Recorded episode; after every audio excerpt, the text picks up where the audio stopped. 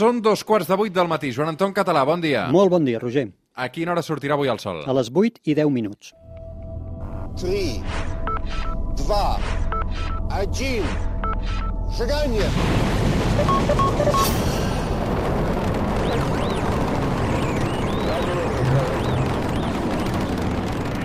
One small step for man,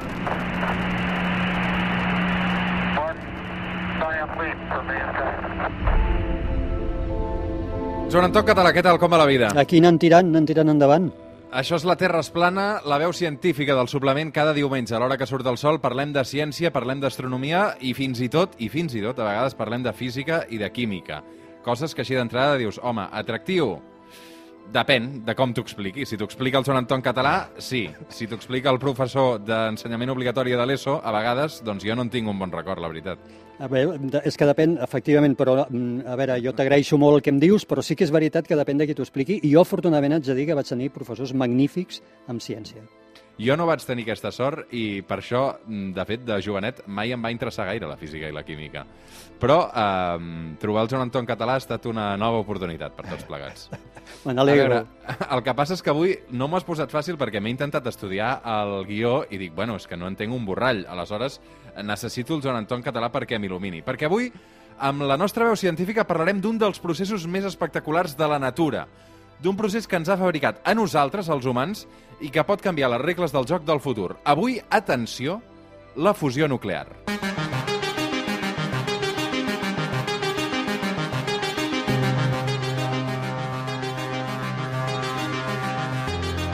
A veure, fusió nuclear. Així d'entrada, Joan Anton, això què vol dir? Val, anirem a poc a poc i ja veuràs com, com anirem explicant-ho de forma senzilla. La fusió nuclear és un procés que hi ha a la natura i que després parlarem que l'home està intentant dominar-lo, en què dos nuclis atòmics eh, d'elements químics senzills s'ajunten, s'acoblen per donar un element, un nucli d'un element químic més complex. Seria com un joc, com un puzzle, on dos peces es junten per fer-ne una més de gran. Això és la fusió nuclear i justament aquest mecanisme, que ara explicarem que, per exemple, té lloc a les estrelles, és el que li ha servit a la natura, a l'univers, per fabricar pràcticament tots els elements químics de la taula periòdica que estudiàvem a l'Insti, doncs pràcticament tots, el 99% d'ells han, han estat fabricats a partir d'aquest joc de la natura on dos nuclis senzills es junten per formar el nucli següent. O sigui, una mica com el mecano, eh? Exacte, exacte. I a més, eh, a la natura no només li serveix per fabricar elements, sinó que veurem que eh, aquest procés desprèn una enorme quantitat d'energia. I aquesta és una de les claus de la fusió nuclear.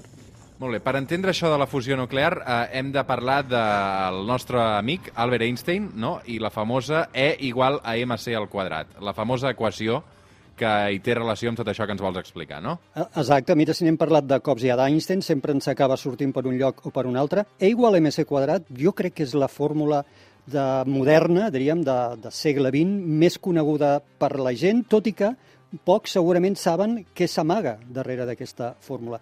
Bàsicament, com, com dèiem, és una, una fórmula que ve de la teoria de la rela- relativitat espacial que va crear Einstein a començaments del segle XX, i el que ens diu la fórmula és que energia i matèria són dues cares de la mateixa moneda i que una es pot transformar en una altra. Fixa't que la fórmula a l'esquerra E igual, la E és energia, energia igual a massa, que és, ja estem a l'altra banda de l'equació, per velocitat de la llum al quadrat, que és la C quadrat. Vol dir que energia i massa es poden transformar. Però com es poden transformar? Doncs el factor que fa que un es pugui transformar en un altre és aquesta C quadrat, que és la clau, que és la velocitat de la llum al quadrat.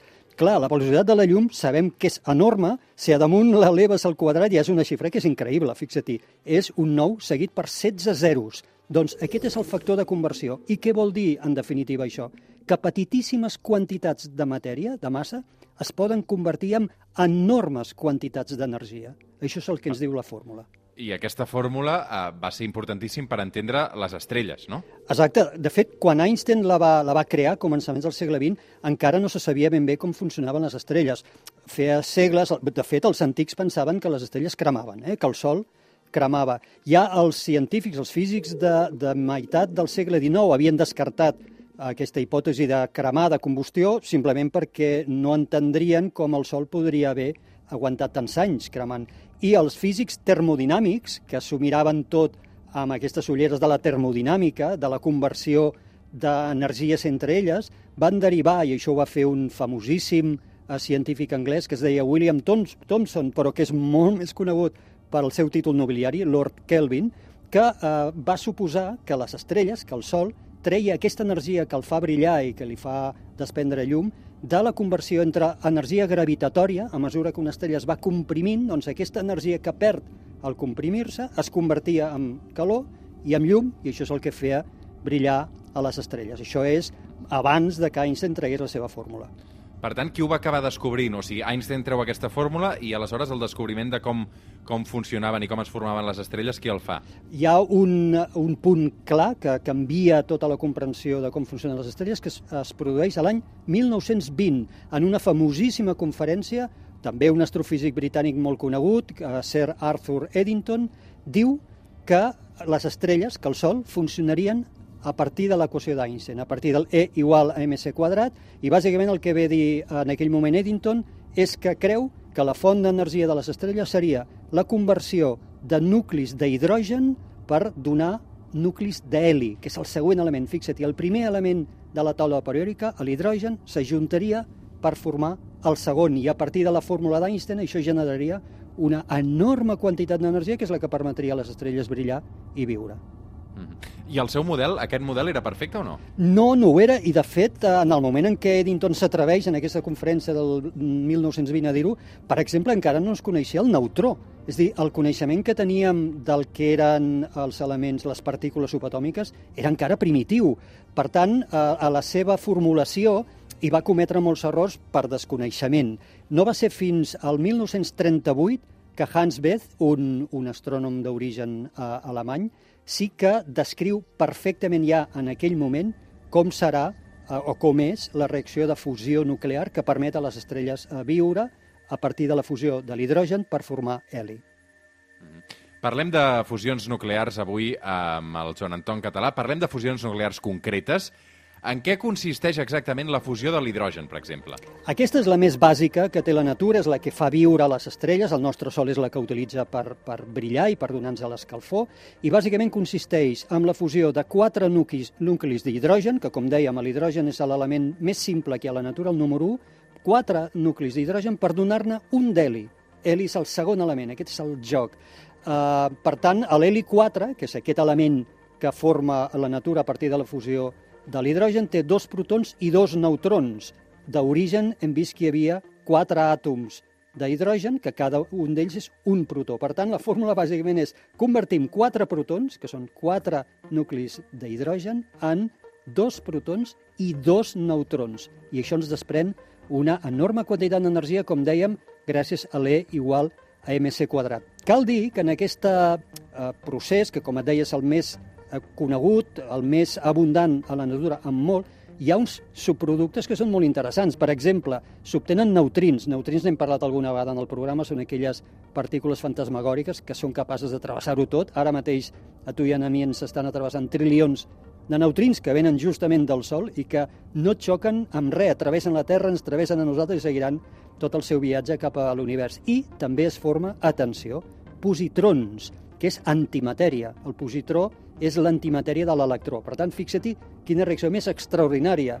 És un matxembrat d'elements per formar el següent element químic, desprèn energia i, a més a més, crea partícules tan interessants com els neutrins o antimatèria.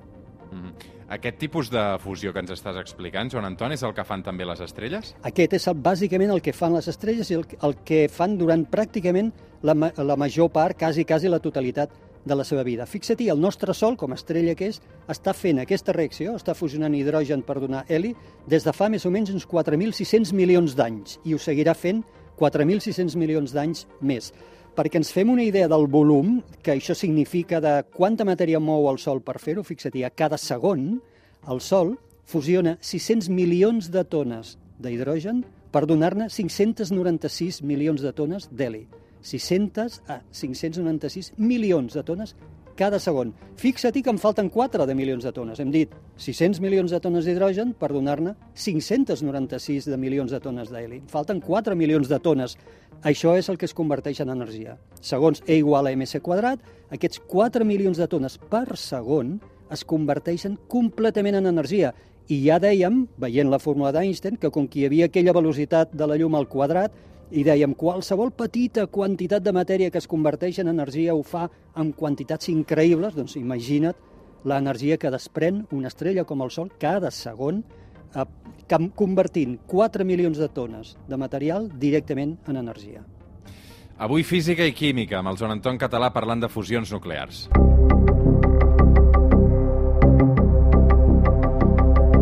Hem explicat la fusió més o menys fàcil, la d'hidrogen. N'hi ha més, no? I tant, i tant. Eh, La gravetat segueix pressionant a les estrelles, no les deix descansar, de fet les vol destrossar i acaba guanyant sempre la gravetat.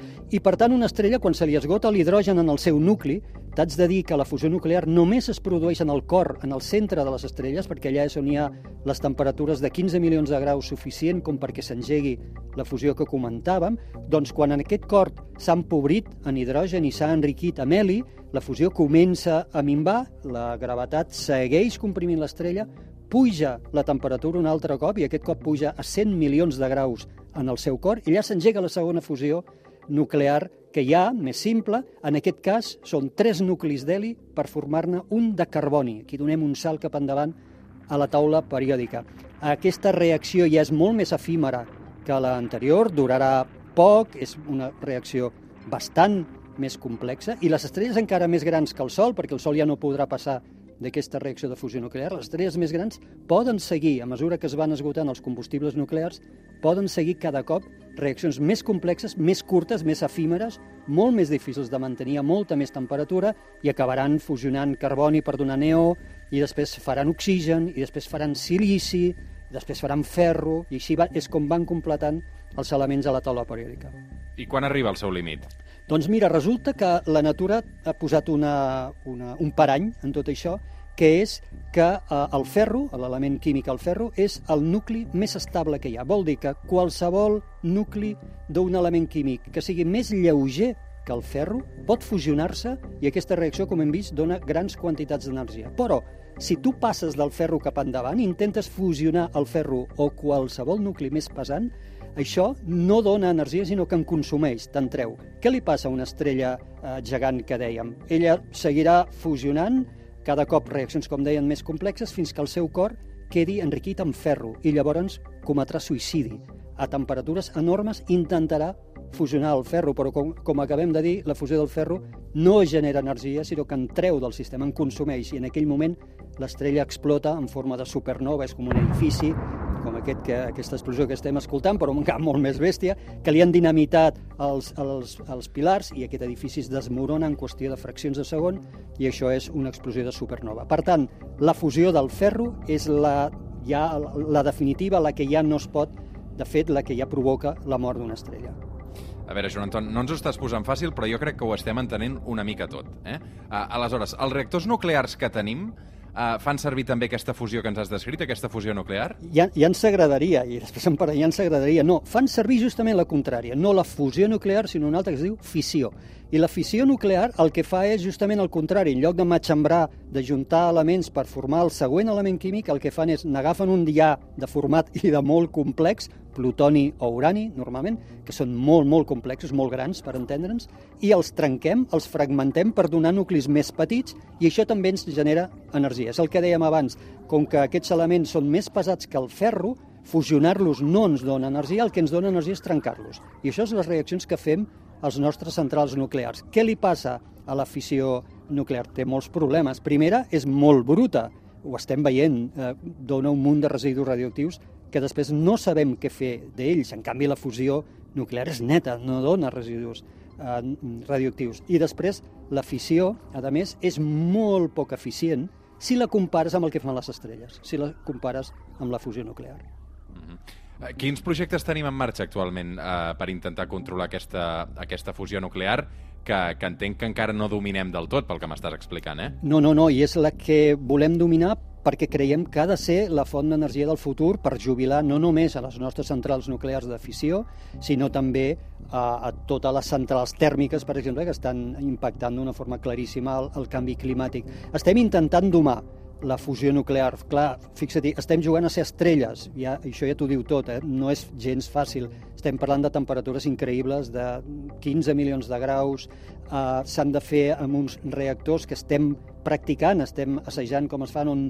la matèria tan escalfada no pugui tocar les parets, perquè no hi hauria cap material que pogués aguantar aquestes temperatures i ho fem amb uns camps magnètics i estem fent diversos assajos a molts països, però bàsicament el gran projecte que té la humanitat en aquest moment, el més important, es diu ITER, que s'està construint, és un gran reactor de fusió nuclear que s'està construint a França, on hi participen 35 països. Aquí podem trobar a la Xina, fins i tot, que a vegades diem la Xina va pel seu, per la seva banda, no? Doncs aquí la Xina hi és, la Unió Europea, Japó, els Estats Units, Rússia, Corea, moltíssims països. I, el que I Espanya estem... també hi és o no? Espanya també hi és. De fet, vaig consultar eh, la dada i en aquest moment hi ha com unes 50 empreses espanyoles que han obtingut contractes per fabricar equipament i per estar involucrades amb, eh, amb la construcció eh, de l'ITER, i a l'ITER s'espera, si tot va bé, que està en etapa de construcció i després començarà etapa de proves, que les primeres fusions nuclears, les de prova,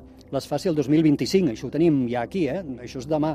Però encara quedarà molt per convertir aquestes proves en un procés suficientment eficient com perquè ens generi energia. Perquè el problema que tenim ara amb la fusió nuclear quan la fem els humans és que hem d'aplicar-hi nosaltres tanta energia per escalfar la matèria que en gastem més que n'obtenim dels pocs segons que som capaços de fer funcionar la fusió nuclear. Clar, la idea és que la fusió nuclear es pugui sostenir en el temps, sigui un procés que aguanti no uns segons, sinó que aguanti hores o dies i que, per tant, ens pugui generar moltíssima més energia de la que nosaltres hi hem de posar per fer-lo, per arrencar-lo, diríem.